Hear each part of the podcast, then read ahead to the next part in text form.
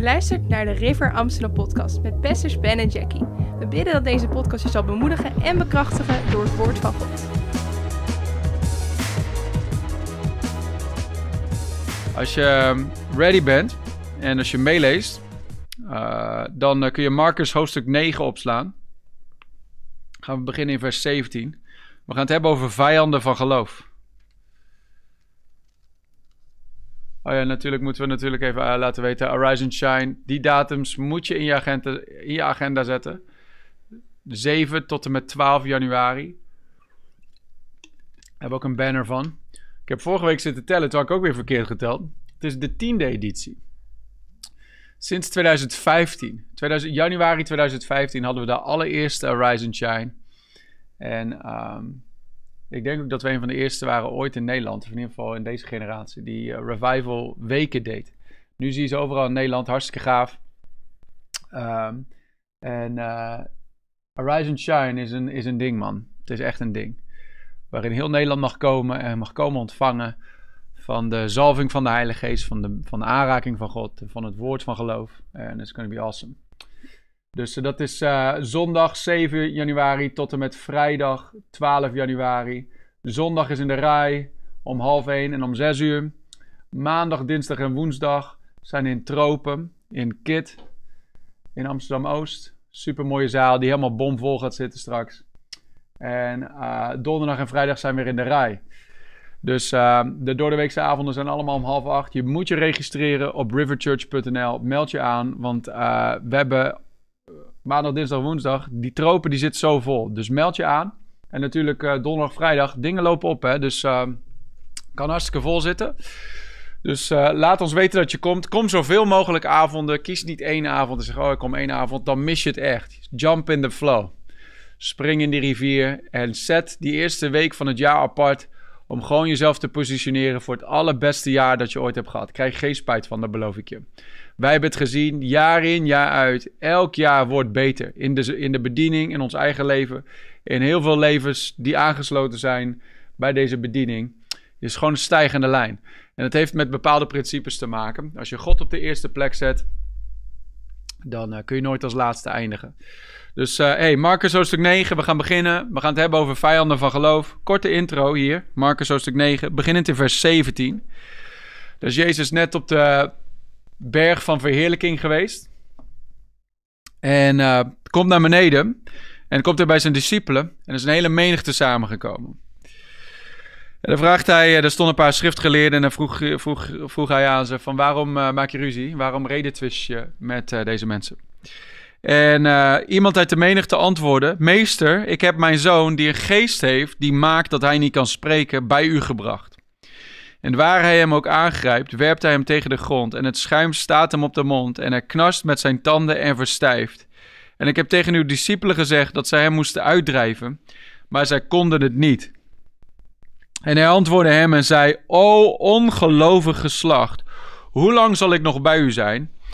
Hoe lang zal ik u nog verdragen? breng hem bij mij. En ze brachten de jongen bij Jezus en toen hij hem zag, toen de geest Jezus zag, deed de geest hem meteen stuip trekken. En hij viel op de grond en wentelde zich met het schuim op de mond. En Jezus vroeg aan de vader, hoe lang is het al dat dit hem overkomt? En hij zei van jongs af aan. En vaak, vaak heeft hij hem ook in het vuur en in het water geworpen om hem om te brengen. Maar als u iets kunt, als u iets kunt, Wees dan met innerlijke ontferming bewogen over ons en help ons. Jezus kaatst de bal terug en hij zegt: Jezus zei tegen hem: Als u kunt geloven, alle dingen zijn mogelijk voor wie gelooft. En meteen riep de vader van het kind onder tranen: Ik geloof, heren, kom mijn ongeloof te hulp. En toen Jezus zag dat de menigte samenstroomde, bestrafte hij de onreine geest en zei tegen hem: Geest die maakt dat men niet kan spreken en die doof maakt, ik beveel u, ga uit hem weg en kom niet meer in hem terug. En onder geschreeuw en hevig stuiptrekken ging hij uit hem weg. En de jongen werd als een dode, zodat velen zeiden dat hij gestorven was. Maar Jezus pakte hem bij de hand en richtte hem op en hij stond op. En toen hij in huis gegaan was en zij alleen waren, vroegen zijn discipelen hem: Waarom hebben wij hem niet kunnen uitdrijven? En hij zei tegen hen: Dit soort kan nergens anders uitgaan dan door bidden en vasten. We gaan zo ook dit verhaal lezen in Matthäus hoofdstuk 17. Daar zie je nog een paar andere details die heel belangrijk zijn om te herkennen. Uh, maar hier uit Marcus hoofdstuk 9 zien we zo'n opmerkelijk ding waar we moet, naar moeten kijken. De vader van de zoon zegt: Als u iets kunt, wees dan met innerlijke ontferming bewogen over ons en help ons. En Jezus kaatst de bal direct terug. En Jezus zegt tegen hem: Als u kunt geloven, alle dingen zijn mogelijk voor wie gelooft. Heel vaak uh, leggen we het bij Jezus neer. Van, oh Heer Jezus, oh Vader, als u iets kunt. Heere, zend opwekking. Heere, red mijn familie. Heere, doe dit. Heere, doe dat. Maar heel vaak is hij niet aan zet, maar zijn wij aan zet. En Jezus kaatst die bal gelijk terug. En hij zegt niet, als ik iets kan doen. Maar hij zegt, als jij kunt geloven. Dus geloof is zo ontzettend belangrijk. Er is een enorme weerstand en aanval eigenlijk tegen wat, wat genoemd wordt word of faith teaching, onderwijs. Ehm, en dat is heel jammer, want de hele Bijbel is eigenlijk word of faith. uh, dus uh, dat snij je zelf enorm in de vingers als je uh, word of faith weghaalt. Paulus zegt het in Romeinen hoofdstuk 10. Hij zegt, dit is het woord dat wij prediken, namelijk het woord van geloof. We kunnen het wel even bijpakken.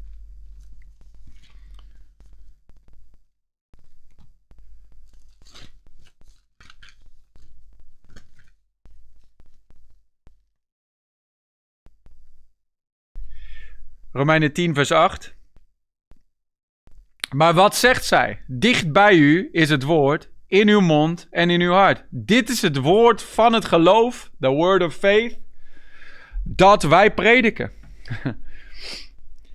Wat is dat dan? Want met het hart gelooft men tot gerechtigheid en met de mond beleidt men tot zaligheid. Ieder die in hem gelooft zal niet beschaamd worden. Is allemaal Bijbel, lieve mensen. Het woord van geloof is het Nieuwe Testament. Dus als mensen daar een probleem mee hebben, dan kun je wel de helft van het Nieuwe Testament weghalen. Dan kun je ook wel de helft van de Evangelie weghalen. Want Jezus predikte ook geloof. Hij zei niet tegen die vader: Ja, ik ben de zoon van God en ik ga allemaal dingen voor je doen. Nee, hij zei: Als u kunt geloven.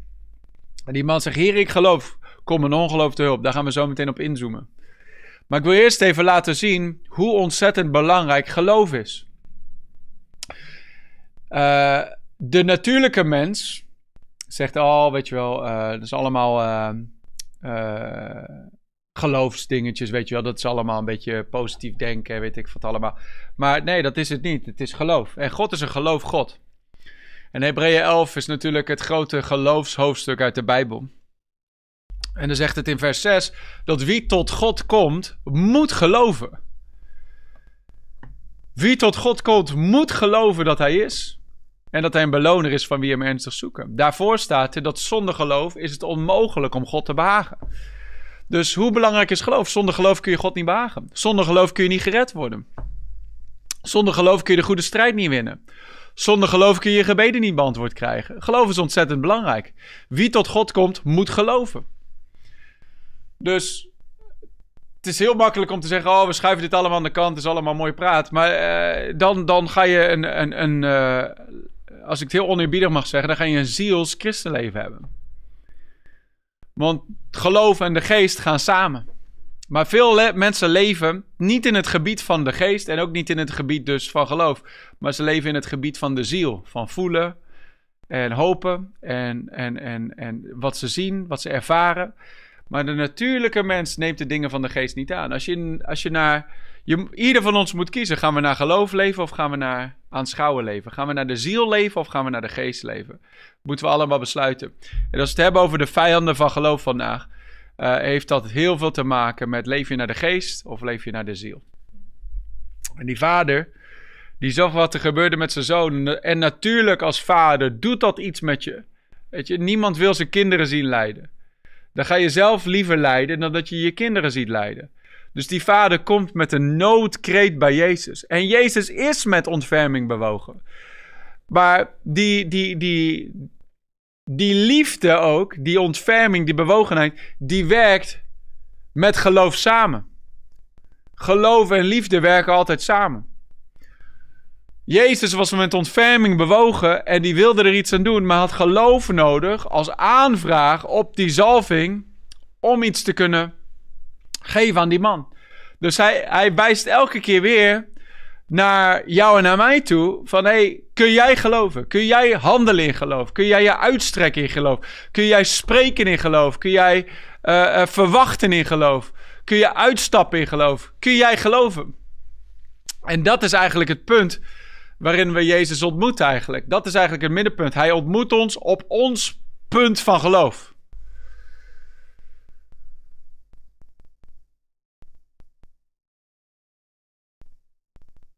En daar ligt heel veel persoonlijke verantwoordelijkheid dus. Maar Jezus zei: alle dingen zijn mogelijk voor wie gelooft. Sommige mensen snijden dat zinnetje kort. Alle dingen zijn mogelijk. Nee, alle dingen zijn mogelijk voor wie gelooft. Is een groot verschil. Ja, alle dingen zijn mogelijk. Nee, alle dingen zijn mogelijk voor wie gelooft. De wereld maakte van ja, geloof in jezelf, dan kun je alles. Nee, voor wie gelooft in God. Voor wie gelooft in de Almachtige God. En dat zijn kracht beschikbaar is voor jou en voor mij. Alle dingen zijn mogelijk. Voor wie gelooft. Misschien moet je dat even uitschrijven voor jezelf. Alle dingen zijn mogelijk. Voor mij. Want ik geloof.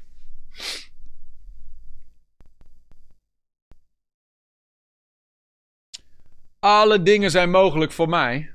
Want ik geloof. Henny zegt het goed. Geloof is de zekerheid. Geloof is niet de vraag of de onzekerheid of de misschien.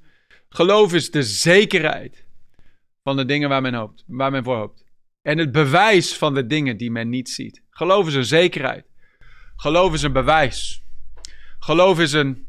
In de Amplified staat er de title deed. Dat betekent de, de, de titel van ownerschap. De, de eigen, eigenaarschap. Dat je, dat je dat je bewijs hebt dat je eigenaar, de, de eigendomsakte is in jouw bezit. Misschien al voordat je het daadwerkelijke ding in bezit hebt. Geloof is een zekerheid. En, en, en Annelies zegt het ook goed. Geloof handelt. Geloof zonder werken is doodgeloof.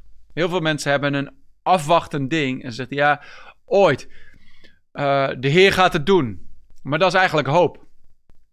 Geloof handelt altijd. Zoals Abraham handelde in geloof.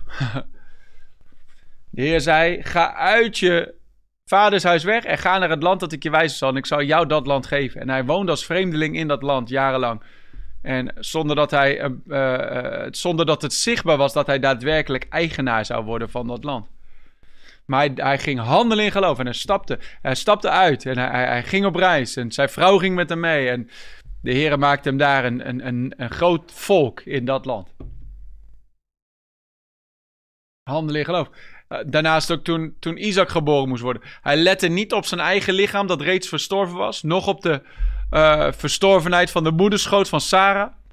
Maar hij gaf God de eer en hij groeide in geloof. Weet je? En hij, hij voegde daden. Hij gaf God de eer. Hij prijsde God. En hij moest natuurlijk ook handelen. Hij moest die tent in met Sarah. op 100-jarige leeftijd. Handelen in geloof. Geloof is een handeling. Veel mensen leven in het land van ooit. Ooit gaat God het doen. Ooit ga ik het zien. Maar geloof is altijd nu. Het geloof nu is de zekerheid van de dingen die men hoopt. Het is altijd nu. Het is niet ooit gaat God het doen. Nee, ik heb het nu al. Het antwoord is nu al aan mij gegeven. Ik heb het nu al in bezit. Ik ben over die grens gestapt. Ik ben over die streep gestrapt. Eh, aan deze kant van de streep had ik het niet. Aan die kant van de streep heb ik het antwoord. Ik heb het antwoord. En ik ga niet meer terug naar achter, naar de andere kant van de streep. Ik heb het antwoord. Mijn noden zijn voorzien. Ik heb mijn genezing ontvangen. Daarom als we bidden voor de zieken zoals zondag. Doe iets wat je niet kunt doen. Handel in geloof. En eigenlijk heel veel mensen worden de genezing wordt zichtbaar op het moment dat ze beginnen te handelen. Wij ook, wij kunnen nog zitten van, oh ja, oh, de Heer gaat ons eh, andere gebouwen geven en, uh, gaan andere riverkerken starten. Maar de Heer sprak River Amersfoort. Toen kwam die mogelijkheid om dat gebouw te kopen en toen zijn we gaan handelen. In geloof. En je hebt het er gezien. De eerste 100.000 kwam binnen. Toen de tweede 100.000 kwam binnen. Boom, boom. Eh, We hadden ook kunnen wachten totdat 200.000 euro binnen zou komen. Maar dan was het nooit gekomen. We moesten handelen, moesten gaan bewegen. En zo gaat dat hele gat dat we graven nu met de aankoop van dat pand, gaat helemaal gevuld worden. Wonderbaarlijk gaat er geld van alle kanten komen, omdat wij gewoon uitstappen in geloof en God voorziet. Je kunt zitten wachten en zeggen, oh de Heer zal in al mijn noden voorzien. Maar zo werkt het niet. Het werkt, het werkt samen met jouw handeling. Wij, kunnen, wij zouden ook nu nog in Amerika kunnen zitten en zeggen, ja ooit gaat God ons eh, de River Amsterdam geven. Ooit gaat daar een dynamische kerk komen in Nederland. Waarin de Heilige Geest beweegt.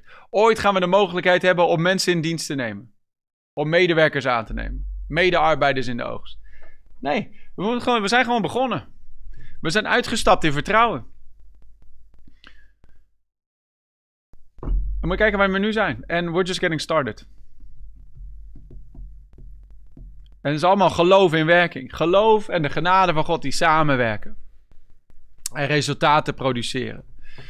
Dat is voor ons allemaal een strijd om in overwinning te blijven staan over deze vijanden van geloof. Die op ons allemaal af proberen te komen, maar die we allemaal kunnen overwinnen. Die Jezus al overwonnen heeft. En dat wij in overwinning kunnen staan. En daardoor kunnen ontvangen van God grote wonderen.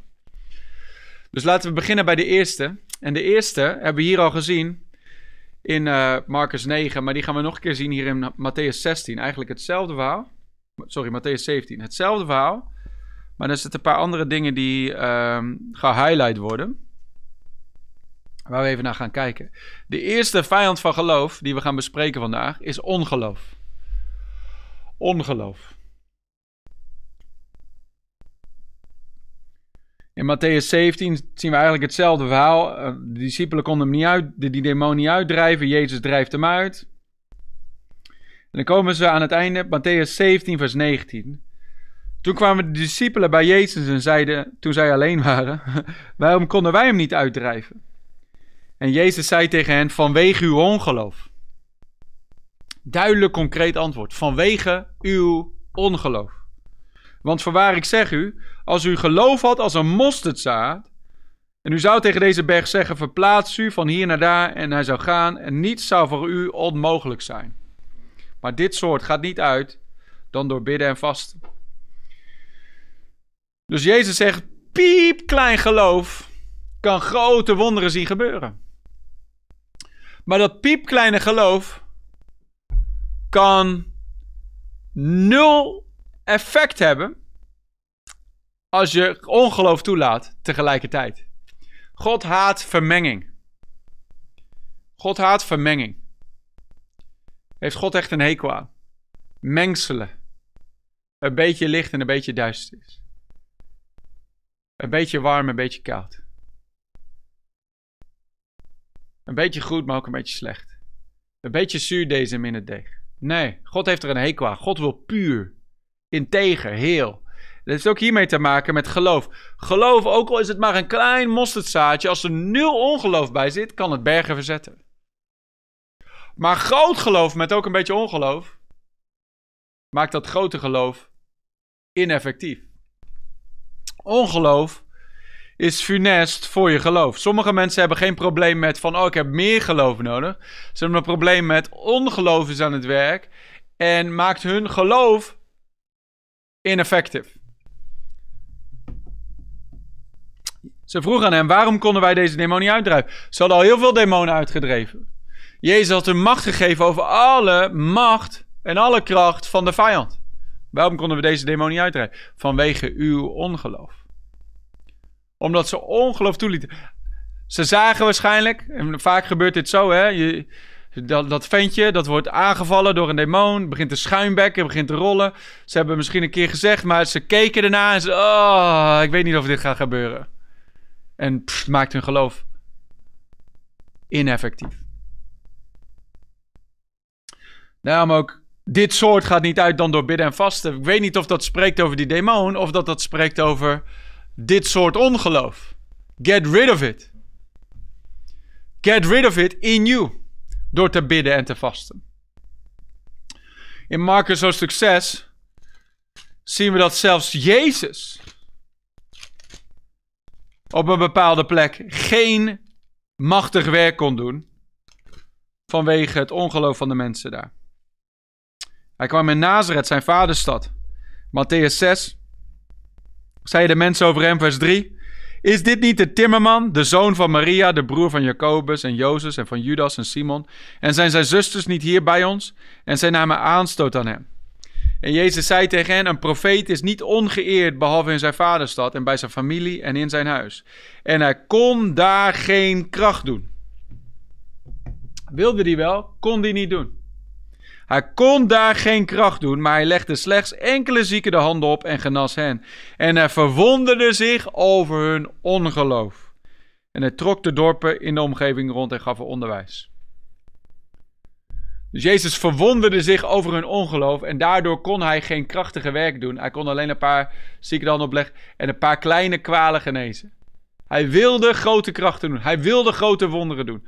Sommige mensen zeggen, ja, het gebeurde niet, dus het was wel waarschijnlijk niet Gods wil dan om het te zien gebeuren. Nee, Gods wil is niet op en neer. De ene keer is het ja, de andere keer is het nee, de andere keer is het misschien. Gods wil is altijd hetzelfde. Zijn woord is zijn wil. En wanneer we zijn woord kennen, kennen we zijn wil en dan begint geloof te werken. Als ik weet, het is Gods wil om mij te genezen. Want Jezus is dezelfde gisteren, vandaag en tot in alle eeuwigheid. Ik weet, het is Gods wil om van al mijn noden te voorzien. Het is Gods wil om mij een overvloed van voorspoed te geven. Want hij is niet veranderd. Als ik het in het woord zie, dan is het voor mij vandaag. Want hij is niet veranderd. Hij is dezelfde. Zijn woord is zijn wil. En als ik weet wat hij wil voor mijn leven, dan kan ik met geloof bij hem komen en zeggen: Heer. Ik ontvang het in geloof, want u wil het, geef aan mij. Sterker nog, u hebt het gegeven aan mij. Het enige wat ik nog hoef te doen is het ontvangen in Jezus' naam. En het mijn eigen te maken. Alle dingen zijn mogelijk voor wie er gelooft. Maar ongeloof is, wil God het wel echt? En misschien wilde hij dit niet voor mij. Misschien wilde hij het niet voor mijn familielid. Misschien in deze situatie is het een uitzondering. Misschien wil God mijn lesje leren door deze situatie heen. God leert niet door destructie. God onderwijst niet door destructie. God onderwijst door instructie. God onderwijst je niet door, door je pijn te geven en moeite te geven en zo. God onderwijst je door instructie. Natuurlijk, als je wijsheid veracht en minacht en niet luistert naar de stem van het woord en de stem van de geest, dan ga je in problemen komen en situaties komen waar God, wat niet Gods wil was dat je daarin kwam. Maar ja, dan ga je wel dingen leren hopelijk. En hopelijk kom je dan weer bij je zinnen. Oh man, ik had naar God moeten luisteren. Ja. Maar is het dan God die op die manier onderwijst? Nee. Dus onze eigen keuzes die ons in de problemen brengen. Waardoor we hopelijk een lesje leren. En dan heb ik het niet over ziekte.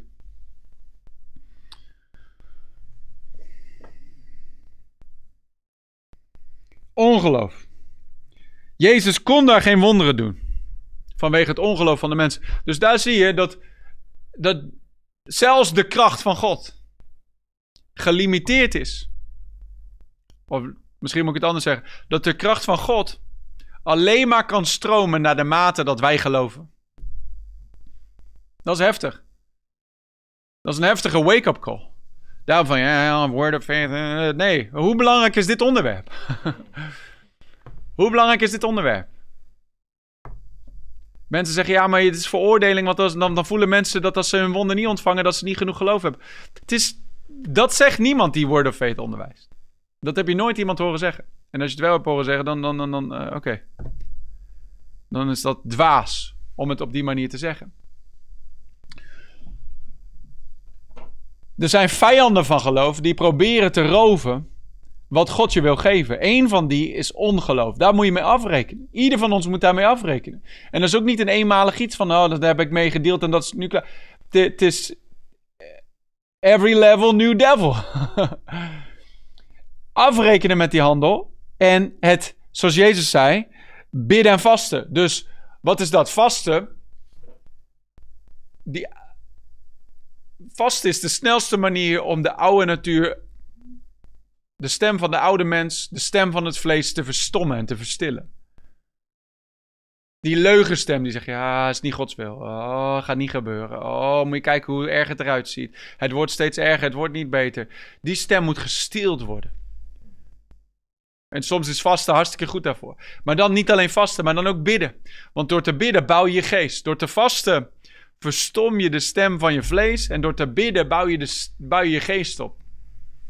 En word je sterker in de geest. Die twee samen, dus dynamische kracht, wordt, wordt, wordt beschikbaar gemaakt. Ongeloof is ook geloof. Maar het is geloof in iets anders dan wat God zegt. Zoals die verspieders, die, die tien verspieders die het beloofde land ingingen. God had al lang gezegd, dit land is al van jou. Maar toch kwamen die tien verspieders terug. En ze zeiden, is niet mogelijk voor ons om dit land in te nemen. Dus de, de, de, de reuzen zijn te groot. Ongeloof. En ze stierven in de woestijn, omdat is, dat is wat ze geloofden. Ze zeiden, God heeft ons in deze woestijn gebracht om ons te doden. En dat is precies wat ze kregen. Die hele generatie stierf in de woestijn vanwege hun ongeloof. ongeloof is geloof in de verkeerde richting. Het is geloof in wat je zintuigen je vertellen. Het is geloof in wat de duivel je vertelt. Het is geloof in wat de natuurlijke omstandigheden zijn. Het is geloof in de verkeerde richting. Geloof is geloof in Gods woord. In wat God zegt, ongeacht wat de omstandigheden vertellen. Ongeacht hoe het eruit ziet. Als het niet op één lijn staat met Gods woord, is het niet waar.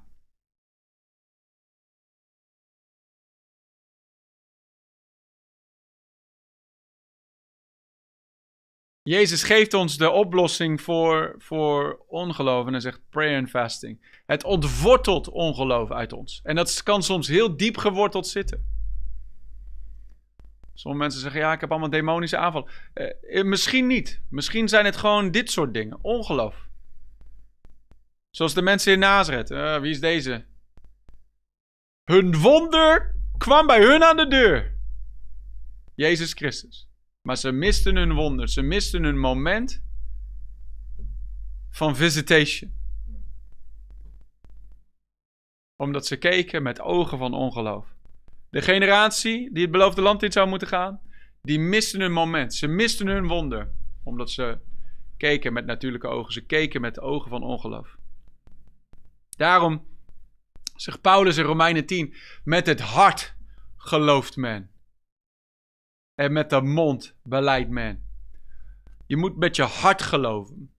Zie, geloof in je hart kan bestaan terwijl er misschien gedachten in je hoofd langskomen van ongeloof. Zolang je het niet laat zinken naar je hart. Jezus zei het in Marcus hoofdstuk 11. Dan ga ik al een beetje op mezelf vooruit.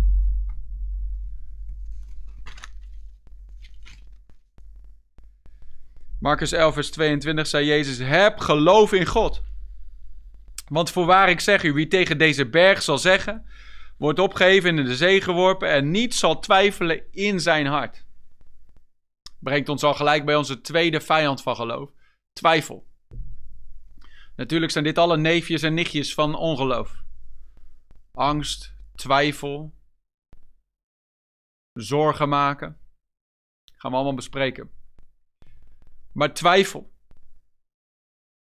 Niet zal twijfelen in zijn hart. Je kunt geloof in je hart hebben met twijfel die langskomt in je gedachten. Zolang je er niet op gaat mediteren en zolang je het niet laat zinken van je hoofd tot je hart. Zolang je niet wortel laat schieten. Dat dat begint te groeien als onkruid tussen die zaadjes van geloof die geplant zijn. En hier zie je ook dat dit allemaal persoonlijke verantwoordelijkheid is. Ik kan dit niet doen voor je, jij kan dit niet doen voor mij. Jezus kan dit niet eens doen voor je. Wij zaaien het woord in de akker van ons hart, maar wat de conditie en de toestand is van ons hart, dat is aan ons. Aan ieder van ons. Maar niet zal twijfelen in zijn hart, maar zal geloven dat wat hij zegt gebeuren zal. Het zal hem gebeuren wat hij zegt. Dan zie je ook weer dat Jezus zegt: dat als jij tegen een berg zal zeggen zonder enige twijfel dat het gebeurt. Het gebeurt wat je zegt. Maar ook daar weer, je kunt niet geloof mengen met twijfel. Dan haal je de kracht uit het geloof door twijfel. Dat zien we ook, dat zien we ook hier in Jacobus hoofdstuk 1.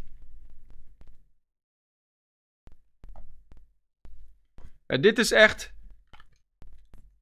voor ieder van ons dat we leren wandelen in geloof. Dit is gewoon leren, leren fietsen eigenlijk.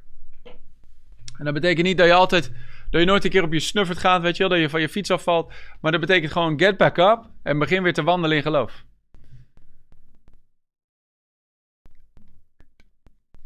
Dit is echt een, ik, volgens mij echt een levenslange leerweg.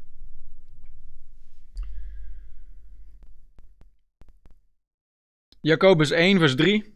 Sorry, Jacobus 1, vers 5. En als er iemand van u in wijsheid tekort schiet, laat hij die dan vragen aan God, die aan ieder overvloedig geeft en geen verwijten maakt. En ze zal hem gegeven worden. Maar laat hij er in geloof om vragen en daarbij niet twijfelen. Schrijf het op, niet twijfelen. Niet twijfelen. Niet twijfelen. Wie, wie moet er kiezen om, niet te twijfelen? Jij, God, iemand anders? Jij.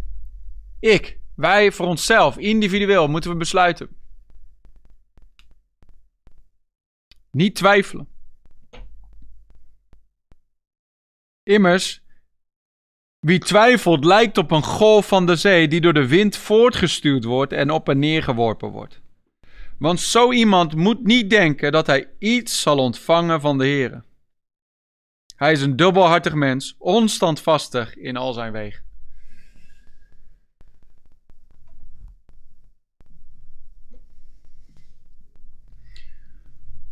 Geloof en twijfel kunnen niet samen leven in jouw hart of in mijn hart. In het hart van de gelovige mag er geen twijfel zijn. Daarom is het zo belangrijk dat we onszelf vullen met het woord en dat we alle twijfel weerstaan.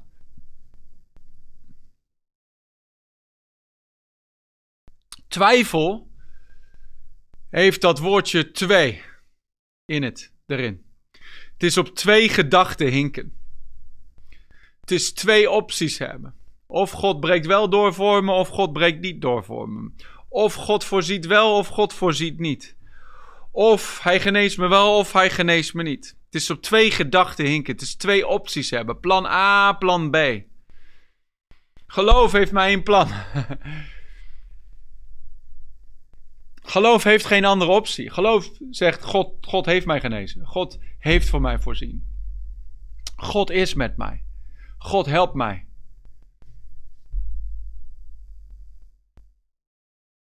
Abraham moest kijken naar wat God had gezegd. Hij moest niet kijken naar uh, of we krijgen. Het was, Heer, of u zegent Isaac of Ismaël. Maar, uh, of als Isaac niet geboren wordt, kan Ismaël altijd nog, toch? Maar God zei: nee, nee, nee, nee. Het is niet door Ismaël. Het is door Isaac heen. Dat uw nageslag genoemd zal worden. Optie B wegstrepen. Het is uh, of God of niks anders. En dat is waar, het, uh, waar, het, uh, waar de strijd van geloof werkelijk wordt. Dat is van, oh man, dan komt er. dat is waar het er vanaf aankomt in die geloofswandel. En dat betekent letterlijk dat je soms zo met je ogen dicht door het leven moet. Dat je niet kijkt naar hoe het eruit ziet. Dat je niet kijkt naar hoe het voelt. Dat je niet kijkt en niet luistert naar wat mensen ervan zeggen. Of wat je natuurlijk, uh, wat die gedachten die op je afgeschoten worden ervan denken. Maar het is kijken naar wat Gods woord zegt. Zoals de Bijbel zegt, laat ieder mens een leugenaar zijn, maar Gods woord is waar. Ik ben zelf door zoveel dingen heen gegaan waar ik echt moest kiezen. Ik kijk niet naar hoe het eruit ziet. Ik kijk niet naar hoe ik me voel. Ik luister niet daarnaar. Ik kijk naar wat God zegt. Laat de zwakke zeggen: Ik ben sterk. Want mijn God zal in heeft in al mijn noden voorzien. De Heer is mijn herder, mij ontbreekt niets. Ik ben sterk in de Heer en in de kracht van zijn macht. Daarop blijven focussen. En dat is letterlijk een gevecht soms. En jij moet die strijd strijden voor jezelf. Je kunt niet onderwerpen aan twijfel. Je kunt niet uh, neerbuigen aan, aan, oh, de twijfel komt binnen en uh, wat moet ik nou doen? Je moet er tegen, je moet het weerstaan. En dat moet ieder voor zichzelf doen.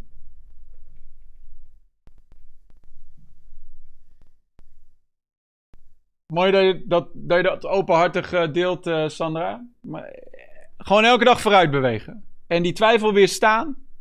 En gewoon blijven staan in geloof. En je niet uit Gods beloftes laten wegliegen. Door de intimidatie van, van de vijand. Gewoon blijven staan. Niet op twee gedachten hinken. Maar dat heb, dat, we, ik noemde het net al kort, maar over de faith line heen stappen. Aan deze kant van die streep heb je het antwoord nog niet. Heb je, die, heb je de genezing nog niet. Heb je de voorziening nog niet. Heb je de, uh, de krachten nog niet voor, whatever.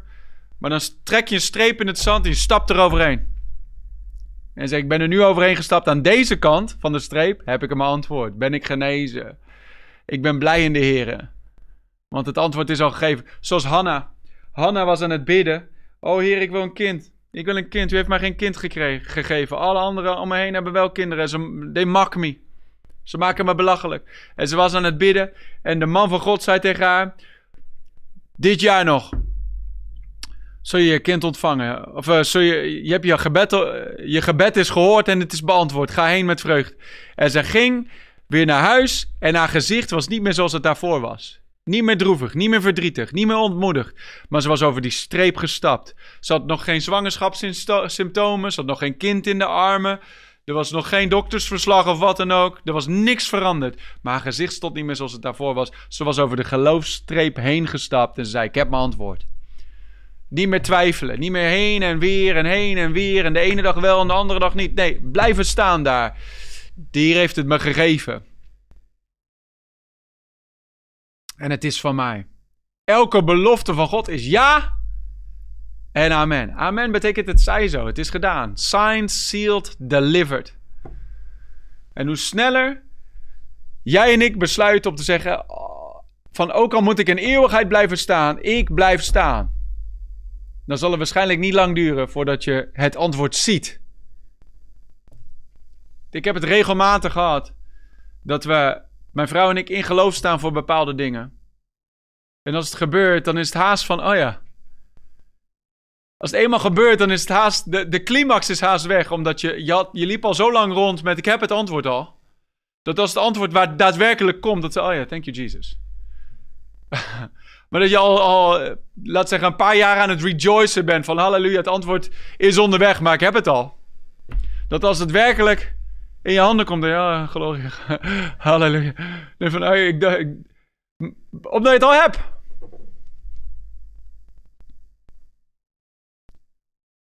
In Matthäus 14 zie je dat Petrus uit de boot stapt. En Petrus werkelijk op het water wandelt. En daarom uh, laat je niet veroordelen vandaag. Petrus wandelde op, het op het water, maar toen zonk hij ook weer.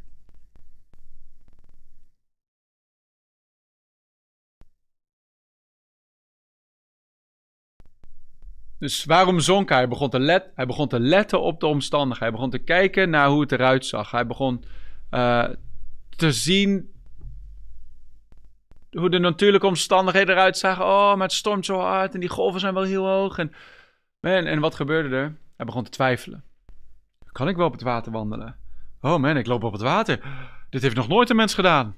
Dit kan ik helemaal niet. En hij begon te zinken. En het wonder hij verloor zijn wonden, om het zo maar te zeggen. Je kunt je wonden verliezen, hè? Je hebt het door geloof ontvangen. Hou het ook vast in geloof. En dat gaat naar. Dat brengt me bij mijn derde, de derde vijand van geloof. En dat is, dat is, dat is, dat is zorgen maken.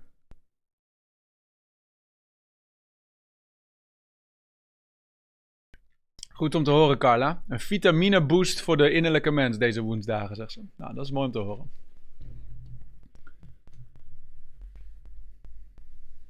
Goed om Marcel erbij te hebben. Jerry, bless you guys. Rachel, Stichting Doxa, God zegen allemaal. Goed dat jullie allemaal meekijken. Op uh, Facebook, Rahel, bless you. God zegen.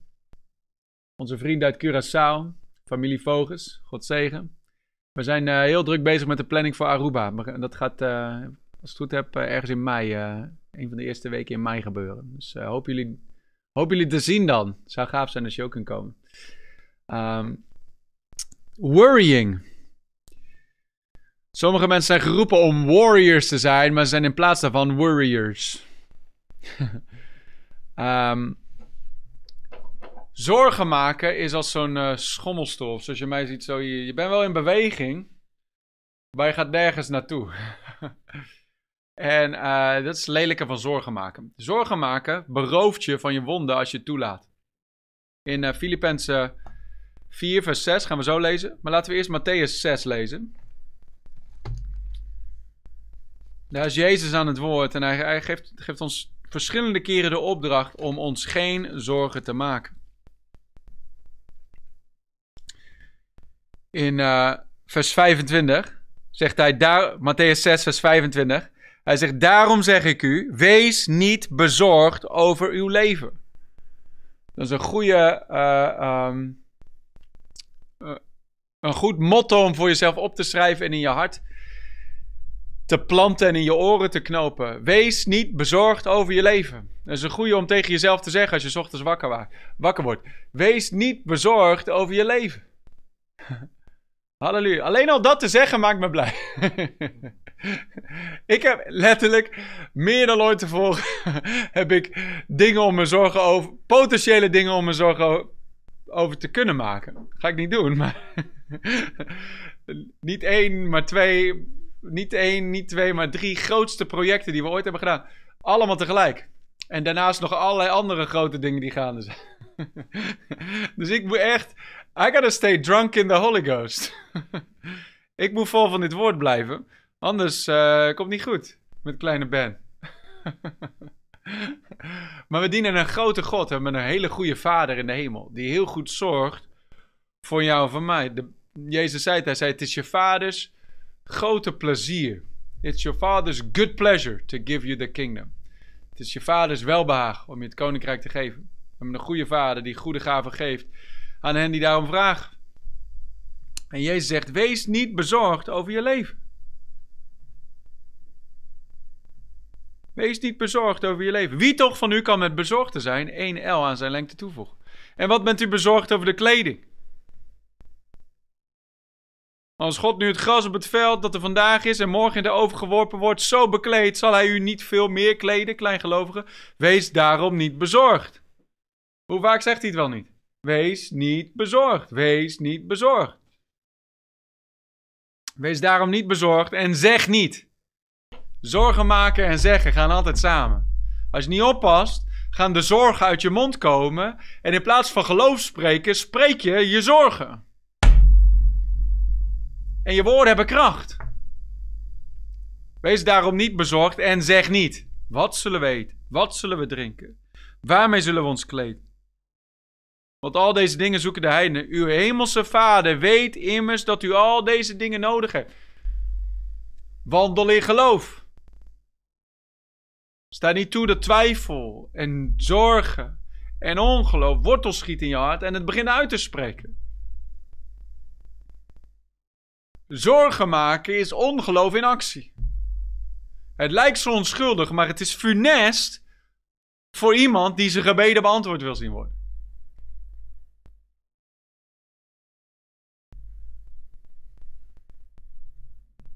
Maar zoek eerst het koninkrijk van God en zijn gerechtigheid. Al deze dingen zullen u erbij gegeven worden. Nog één keer, vers 34. Wees dan niet bezorgd over de dag van morgen. Want de dag van morgen zal voor zichzelf zorgen. Halleluja.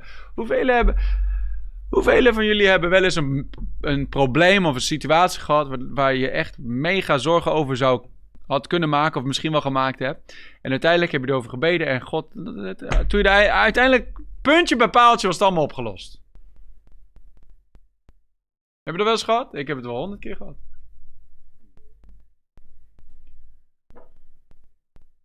En daarom zegt Jezus, weet je, die, die dag van morgen, die zal voor zichzelf zorgen. Kom wel goed.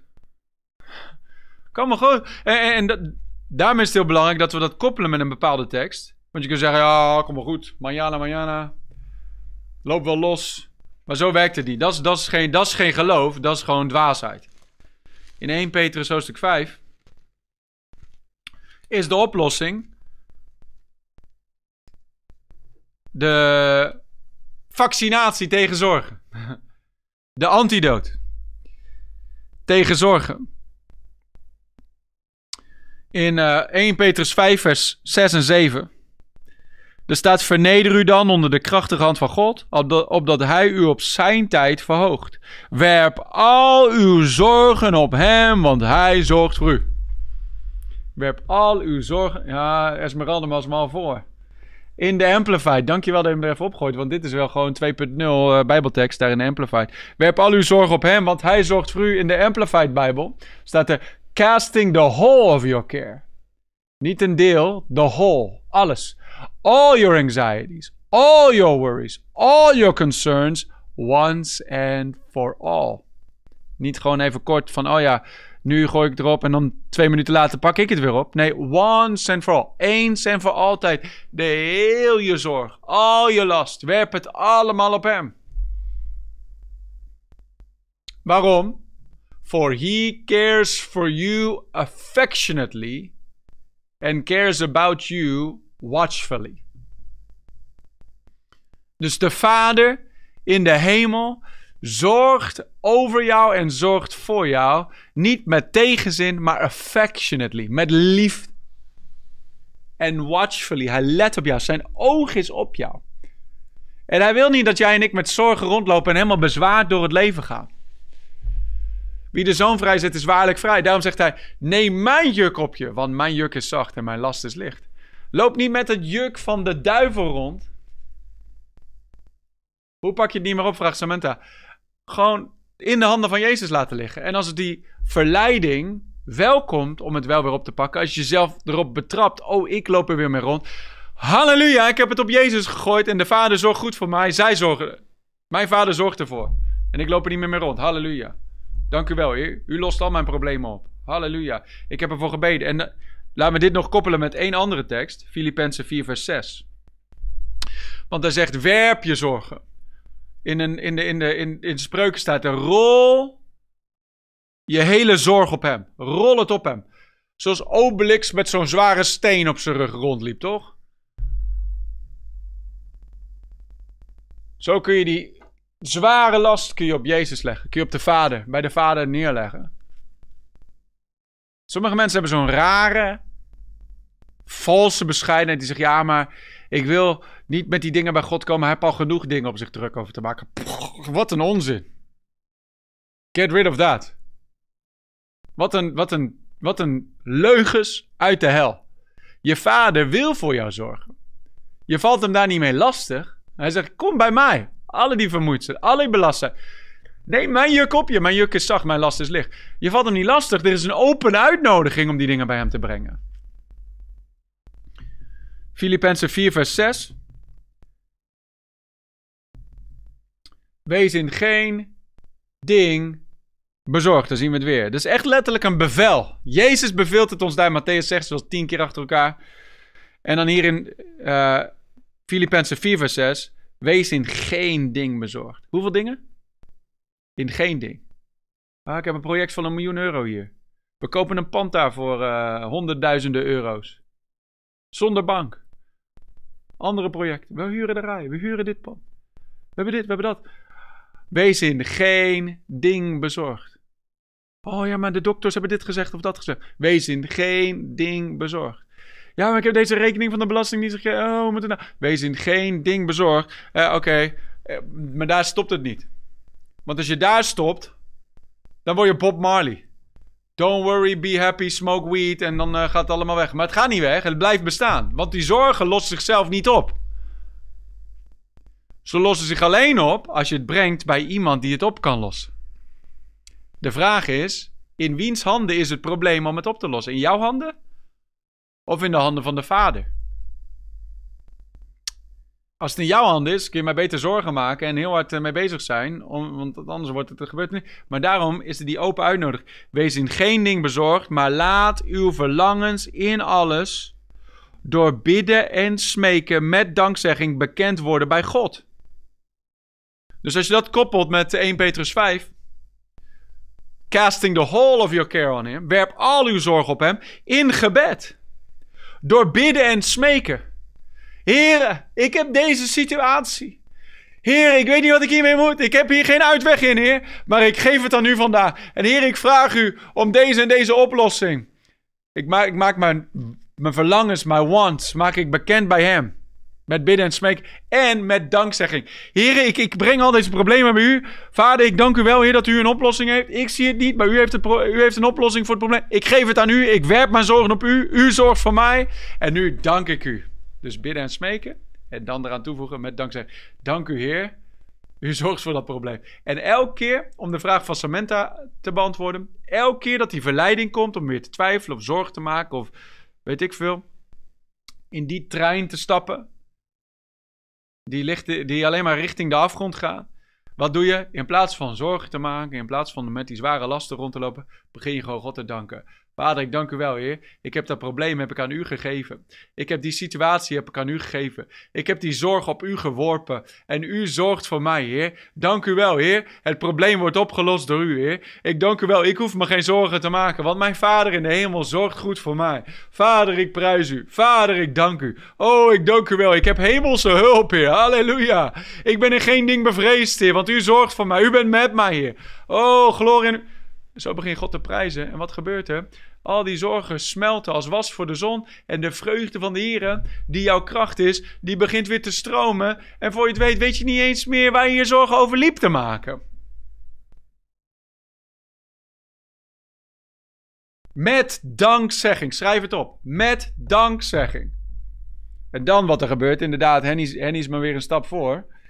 Is dan zal de vrede van God, die alle begrip te boven gaat, je hart en je gedachten bewaken in Christus Jezus.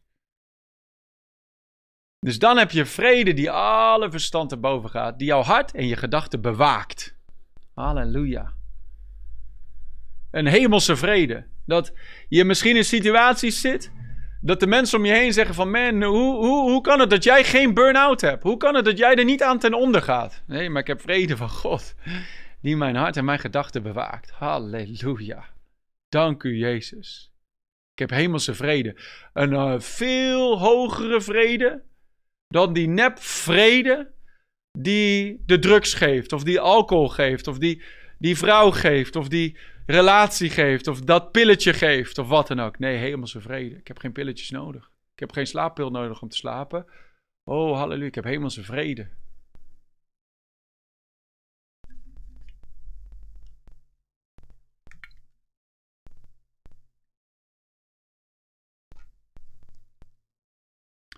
Dat betekent, je voelt het nu al, dat je de rust binnengaat.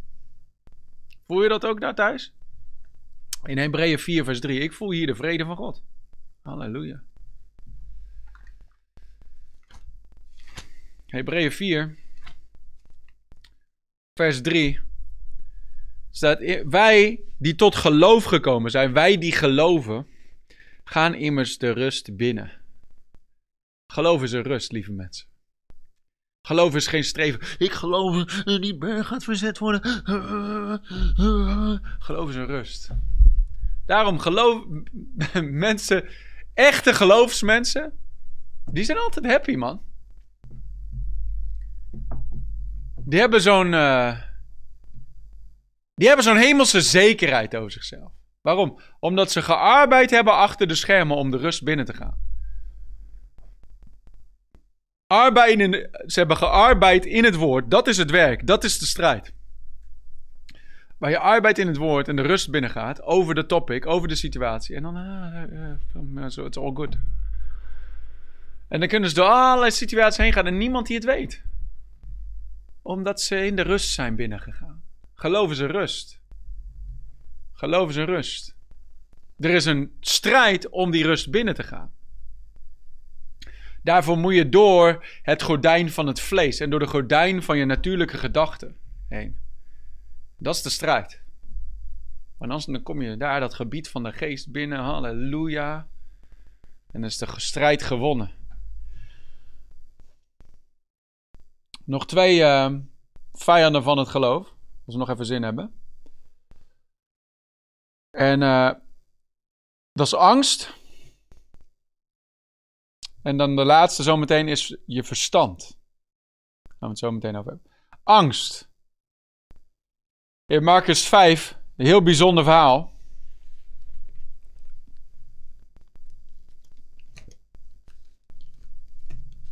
Natuurlijk de bloedvloeiende vrouw. In Marcus 5. Maar daar, daarvoor en daar, daar, daartussendoor eigenlijk heb je de...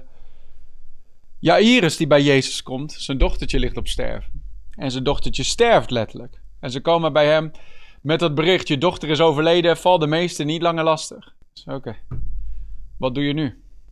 Dat is een beetje de eindwaal, toch? Maar Jezus geeft hem zo'n belangrijke sleutel. En die sleutel is ook voor jou en voor mij. In Marcus 5, vers 35. Eh, Terwijl Jezus nog sprak, kwamen enige van het huis van het hoofd van de synagoge die zeiden: Uw dochter is gestorven. Waarom valt u de meeste nog lastig? Het is klaar, het is afgelopen, het is einde verhaal.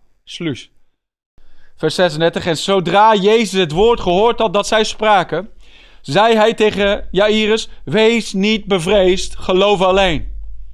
Schrijf dat op voor jezelf. We geven sleutels vandaag. Hè? Wees, wees niet bezorgd over je eigen leven. Twijfel niet. Wees niet bevreesd. Geloof alleen. Alle dingen zijn mogelijk voor wie gelooft. Zijn allemaal van die sleutelversen.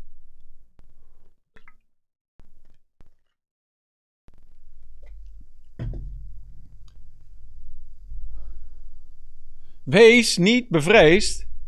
Geloof alleen. Die twee staan tegenover elkaar. Die strijden tegen elkaar. Welke krijgt de overgang? Wees niet bevreesd. Geloof alleen.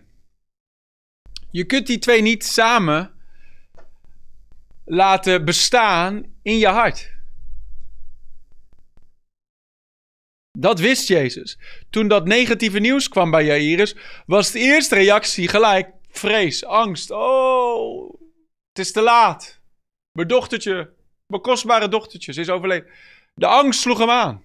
Maar Jezus wist het antwoord. Maar Jezus wist ook, het antwoord kan niet werken als daar ook angst aan het werk is.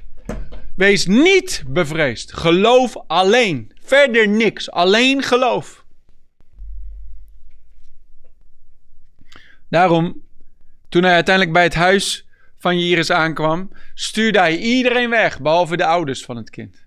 Omdat er een atmosfeer van ongeloof en een atmosfeer van angst was. Iedereen was aan het huilen. Maar Jezus sprak geloof. Ze slaapt. Ze is niet gestorven, ze slaapt. Ik ga haar opwekken. Ze lacht hem uit. Er was een atmosfeer van ongeloof. En uh, uh, hij wilde dat de vader en de moeder niet in die atmosfeer zouden zijn, want dan, dan was het heel moeilijk om daar een wonder te zien. Jezus, gelijk zit hij er bovenop. Wees niet bevreesd, geloof alleen. Ontzettend belangrijk. Jezus sprak het verschillende malen. Waarom bent u zo angstig? Heeft u dan geen geloof? Hij zei het volgens mij ook tegen Petrus toen Petrus zonk. Nadat hij op het water gewandeld. Waarom ben je zo angstig? Angst was binnengekomen. Daardoor kwam twijfel binnen. Daardoor kwam ongeloof binnen. En daardoor verloor hij zijn wonder, om het zo maar te zeggen. Waarom bent u zo angstig? Heeft u dan geen geloof? Jawel, er was wel geloof. Maar de angst kwam tussen het geloof in. Dit is ook wat je zag bij de tien verspieders. Ze waren bang. Ah, die, die reuzen zijn zo groot. Je zag het bij het volk Israël toen Goliath opkwam daar. Angst, intimidatie. Dit zijn van de grote wapens van de Satan. Angst. Daarom is het zo belangrijk om bepaalde teksten gewoon in je, in je hart te laten landen. Zoals Psalm 27. Dit is zo'n krachtige. Psalm 27, vers 1. De Heer is mijn licht en mijn heil. Voor wie zou ik vrezen? De Heer is mijn levenskracht. Voor wie zou ik angst hebben? In andere woorden, ik ben niet bang. Ik, ben, ik vrees geen kwaad. Ik weiger te buigen voor angst. Ik zal niet vrezen. God spreekt het ook verschillende malen tegen Jozua toen Jozua leider van dat land werd. Wees niet bevreesd. Wees niet ontmoedigd. Wees sterk en wees moedig. Wees niet bevreesd. Toen de engel bij Gideon kwam. Wees niet bevreesd. Toen Jezus opgestaan was uit de dood en zich aan zijn discipelen vertonen. Wees niet bevreesd. Je moet het tegen jezelf spreken. Ik zal niet vrezen. Ik vrees geen kwaad, Psalm 91. Want hij is met mij. Angst is zo'n open deur waar de vijand door binnenkomt. Als je angst toelaat, zet je die deur open. Laat geen angst toe. Zeg maar, ja, maar ik deal met angst. Weersta het. God heeft ons, 1, 1 Timotheus 1 vers 7, God heeft ons geen geest van angst gegeven. Je hebt geen geest van angst van God gekregen. Je hebt een geest van liefde, kracht en bezonnenheid van God gekregen. Dus wat doe je met die geest die niet van God is? Die weersta je. Weersta de duivel en hij zal van jou vluchten. Jacobus 4 vers 7. Weersta het. Nee, ik ga niet buigen van angst. Ik, ik heb het verschillende malen genoemd al, maar uh, in, in, de afgelopen paar jaar. Maar tijdens COVID, weet je, stonden we natuurlijk elke week uh, met honderden mensen God aanbidden. Kwamen, elke week kwamen er allemaal gedachten, boem, boem, boem, boem, boem, boem, boem, zo op me, op me afgeschoten. Allemaal angsten. Maar ja, wat doe je ermee? Ik weersta het in Jezus' naam. We gaan niemand zien sterven aan die ziekte. Deze kerk gaat alleen maar vooruit, niet achteruit. We gaan land in bezit nemen. Terwijl zij zeggen er is een ondergang, zeggen wij er is een opgang. Maar dat is dus staan en weerstaan. Angst moet je weerstaan. Je moet spreken tegen angst. Zoals Caleb en Jozua deden. Toen iedereen boog voor angst, zeiden zij: Nee, als de Heer met ons is, zullen we ze, zullen we ze, zullen die reuzen verslaan, zullen we het land innemen. Het is van ons. God is met ons. Dus vrees ziet alleen de omstandigheden om zich heen. Maar geloof ziet, groter is hij die met mij is dan hij die in de wereld is. Dus maar net waar je je oog op focust. Jij en God bent een meerderheid. Dat is het probleem vaak, dat mensen zien niet, oh ja, maar is God wel echt met me? Ik voel niet dat hij met me is. Ja, maar dat is twijfel, dat is ongeloof. God heeft de vele malen gezegd in de Bijbel: Ik zal je nooit in de steek laten. Ik zal je nooit verlaten. Ik ben met je tot het einde der aarde. Is duidelijk. Hij is met je. Je bent niet alleen. Ja, maar ik voel me alleen. Ja, maar je bent niet alleen. Dus vertel je gevoel wat je moet voelen. Vertel je gevoel dat het in lijn moet komen met Gods woord. Begin God te danken dat je niet alleen bent. Begin God te prijzen dat Hij met je is. Begin God te danken dat je nooit verlaten bent. Dat je nooit in de steek gelaten bent. Dat de Heer je herder is. Dat je niet alleen bent. En dat de Heer je hulp is. Dat Hij je helpt. Halleluja. Daarom kun je vrijmoedig zeggen: De Heer is mijn helper. Hebreeën 13, vers 5. De Heer is mijn helper. Halleluja. Hij helpt mij. Hij helpt mij. Hij helpt mij. Ik ben jong geweest, ik ben oud geworden, maar ik heb de rechtvaardigen nooit verlaten zien, gezien. Nog zijn nageslacht op zoek naar brood. Je bent niet verlaten. Je bent niet alleen, je bent geen weeskind, je, bent een hemelse, je, je hebt een hemelse vader. Je bent een koningskind. Dus vrees geen kwaad. Ik zal niet vrezen. De Heer is met mij. Geen angst. Weersta angst. De laatste, vijand van geloof, is je verstand. Je natuurlijke verstand. 1 Korinthe 2, vers 14. Sommige mensen proberen intellectueel geloof te hebben. Bestaat niet. Ja, maar we moeten ook wijsheid gebruiken. Geloof is soms niet natuurlijke wijsheid. Het is niet wijs om uit een warme, comfortabele boot te stappen en op het water. Dus, dus, dus ja, moet ook wijsheid gebruiken. Ja, maar wat? Er is nog nooit iemand geweest die op het water heeft gewandeld. En dan ga je uit die boot stappen. De boot drijft, jij niet. Heb je wel je zwemdiploma? Nee, dat bestaat nog niet. Oké, succes. 1 Korinthe 2 vers 14, er staat, maar de natuurlijke mens, de natuurlijke mens, neemt de dingen van de geest van God niet aan. Want ze zijn dwaasheid voor hem. Daarom niet alles wat mensen zeggen, ja, we moeten wijsheid gebruiken. Eh, soms is dat, en ik ben helemaal voor wijsheid, maar dan wel bijbelse wijsheid. Soms is dat natuurlijke wijsheid en de dingen van God, de dingen van de geest, zijn dwaasheid voor hem. Hij kan ze ook niet leren kennen, omdat ze geestelijk beoordeeld worden.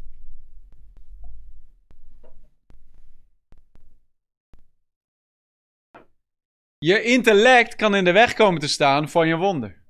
Als je nu oppast. Want je natuurlijke mens neemt de dingen van de geest niet aan. Dus je natuurlijke verstand. En dan heb ik het over je unrenewed mind. Je verstand dat niet vernieuwd is met het woord van God. Dat die oude gedachten. Die gedachte van Adam, die gedachte van de gevallen mens, die gedachte van de natuurlijke mens, die de dingen van de geest niet kan aannemen. Die kunnen er weg komen te staan van het wonder dat God wil doen in je leven. Of de wonderen die God wil doen in je leven. Van je geloof in actie. Zoals die uh, in het Oude Testament heb je verhaal in 2 Koningen 3. Dan heb je um, een hongersnood in Samaria. En dan geeft Elisa, de profeet, geeft een profetisch woord. Dat vandaag nog, of morgen nog, tegen deze tijd morgen, zal er zo'n overvloed aan brood zijn dat, het, dat goed brood goedkoop is. En er is een, er is een, er is een high-ranking officer, een hoge officier in het leger, die zegt, een slimme man dus, een intellectuele man, een man met verstand, een man met kennis, een man met inzicht. Die zegt, ook al zou de Heer vensters in de hemel maken en, en zegen uitgieten, hoe zou dit kunnen zijn? En Elisa zegt tegen hem, je zult het zien met je ogen, maar je zult er niet van deelnemen. De natuurlijke mens neemt de dingen van de geest niet aan. Zie, geloof. 2 Korinthe 5 vers 7. We leven door geloof en niet door aanschouwen. Dus je geloof en wat je natuurlijke zintuigen aan je verstand zeggen, zijn vaak twee hele verschillende dingen. Geloof is een hartzaak. Het is niet een verstandig ding.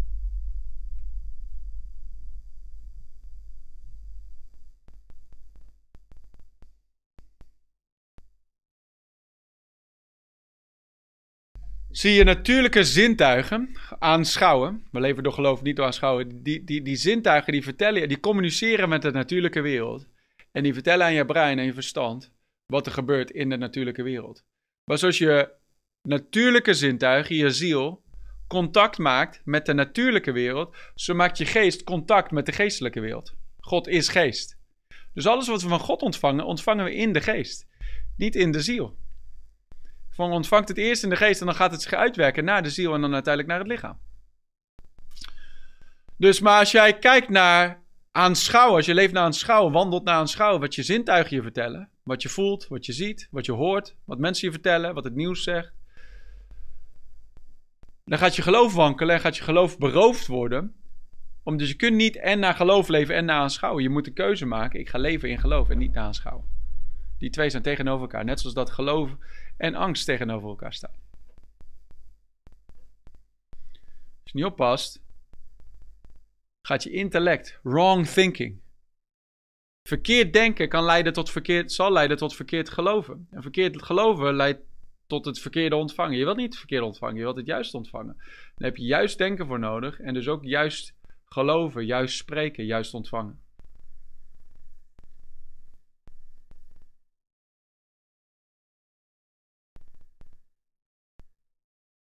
Dus je verstand, daarom is het zo belangrijk dat we ons denken vernieuwen met het woord van God. Zoals zijn gedachten zijn hoger dan onze gedachten. Zo is zijn woord. Het is hoger. Daarom, ons, ons denken moet eigenlijk komen naar het niveau van Gods woord. En dat is het niveau van childlike faith. Kinderlijk geloof. Dus niet een hoger, eloquenter denken van heel slim zijn. Maar het is, het is, het is, het is nederig worden als een kind. En dingen aannemen als een kind. Dat is moeilijk. Dat is moeilijk. Dat is moeilijk helemaal als je ontwikkeld denken hebt. Maar je kunt ontzettend educated zijn. Maar dat betekent niet dat je geloof werkt. Je kunt een hoop vertellen over het woord, maar dat betekent niet dat je geloof in actie functioneert.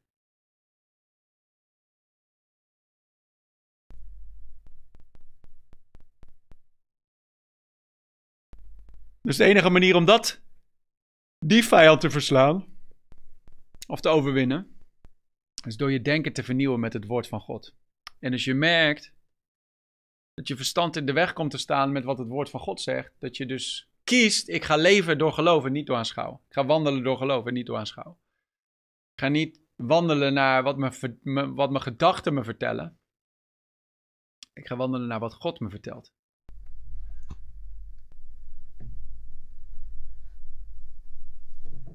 En ook met al deze dingen, kanttekening, ik heb het niet over dwaasheid. Sommige, dingen, sommige mensen, uh, geloof en veronderstelling, assumptie zijn twee hele andere dingen. Sommige mensen denken, ja, uh, ik denk dat dit goed is en dat geloof is en dat ik ga dit maar doen. Ik ga, ik ga, maar, ik ga maar dit en dat doen. Ik ga uh, stoppen met mijn medicijnen of ik ga deze en deze bediening starten. Want ik ga dit en dit dat doen, ondernemen voor God. Maar wat heeft God gezegd? Waar heb jij werkelijk geloof voor? Want als je allemaal dingen gaat doen zonder dat je daadwerkelijk daar geloof hebt. En geloof is iets anders dan hopen of veronderstellen. Ja, maar Petrus kon niet zomaar uit die boot stappen. Petrus stapte uit op het woord. Jezus zei: Kom en stap uit. Hij wandelde in zekere zin op het woord. Dat is iets anders dan veronderstelling. Nou, als het uh, van God is, dan gaat het wel gebeuren. Zo, zo werkt het niet. Dat is ook geen geloof. Dat is natuurlijkere veronderstelling. Van oh, het zal wel goed komen. Dat is heel iets anders dan geloof. Geloof is een zeker weten. Zoals zondag hadden we een getuigenis van een jonge meid. Die had altijd maagklachten. Die was gestopt met haar medicijnen. Want ze wist, ik ben genezen. Ik heb die medicijnen niet meer nodig. En toen kwam ze bij de dokter en de dokter zei, onderzoek gedaan, genezen. Maar dat, is niet, dat heeft ze niet gedaan van, oh, ik hoop dat het gaat gebeuren. Als ik met mijn medicijnen stop, dan gaat het gebeuren. Nee, zij wist, ik heb het ontvangen. En dan handel ik naar wat ik weet. Ja, maar hoe kun je het weten? Door het woord. Door het woord. Door in het woord te zien wat God je gegeven heeft. En dat in je hart te zaaien, daarop te mediteren, het eigen te maken, het laten groeien in je hart. Dat zaad laten groeien. Ongeloof te weerstaan. Twijfel te weerstaan. Bidden en vasten, hè? Gaan we in januari weer doen. Um, en, en, en, en het woord blijven planten in je hart. En dan, en, dan, en dan komen tot een zeker weten. Ik weet dat ik weet dat ik weet dat ik weet dat ik weet dat ik weet. Dat ik weet. En dan daarna handelen. En dan bam. Dan zul je het zeker zien. Amen. Bedankt voor het meekijken, lieve mensen. Ik heb verder helemaal niks te melden. We zijn ook weer uh, dik een uur bezig, dus uh, genoeg gekletst. We gaan uh, aan het einde van het jaar, vind het altijd leuk, uh, dus in de decembermaand gaan we weer zo'n Q&A doen. Dus een vraag en antwoord.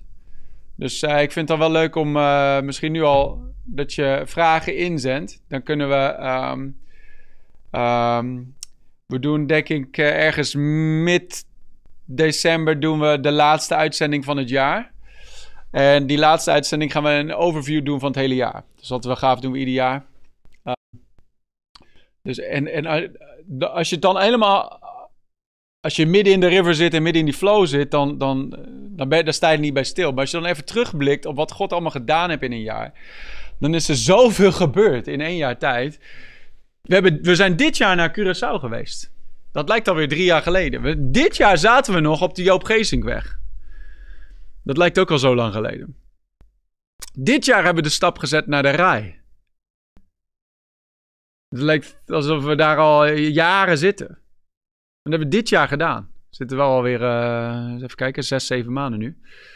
Um, er is zoveel gebeurd dit jaar. Dat is bizar. Dit jaar hebben we hoofd gekregen. Dit jaar hebben we een tweede kerk erbij gekregen. Um, dat is bizar.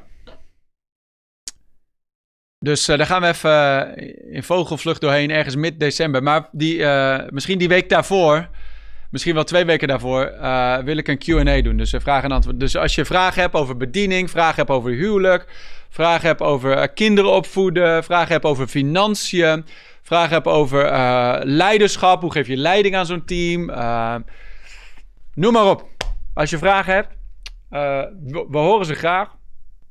We maken wel even een dingetje beschikbaar waar je ze in kan zenden op Instagram. Maar misschien kun je ze, als je langere vragen hebt, kun je ze ook inzenden naar info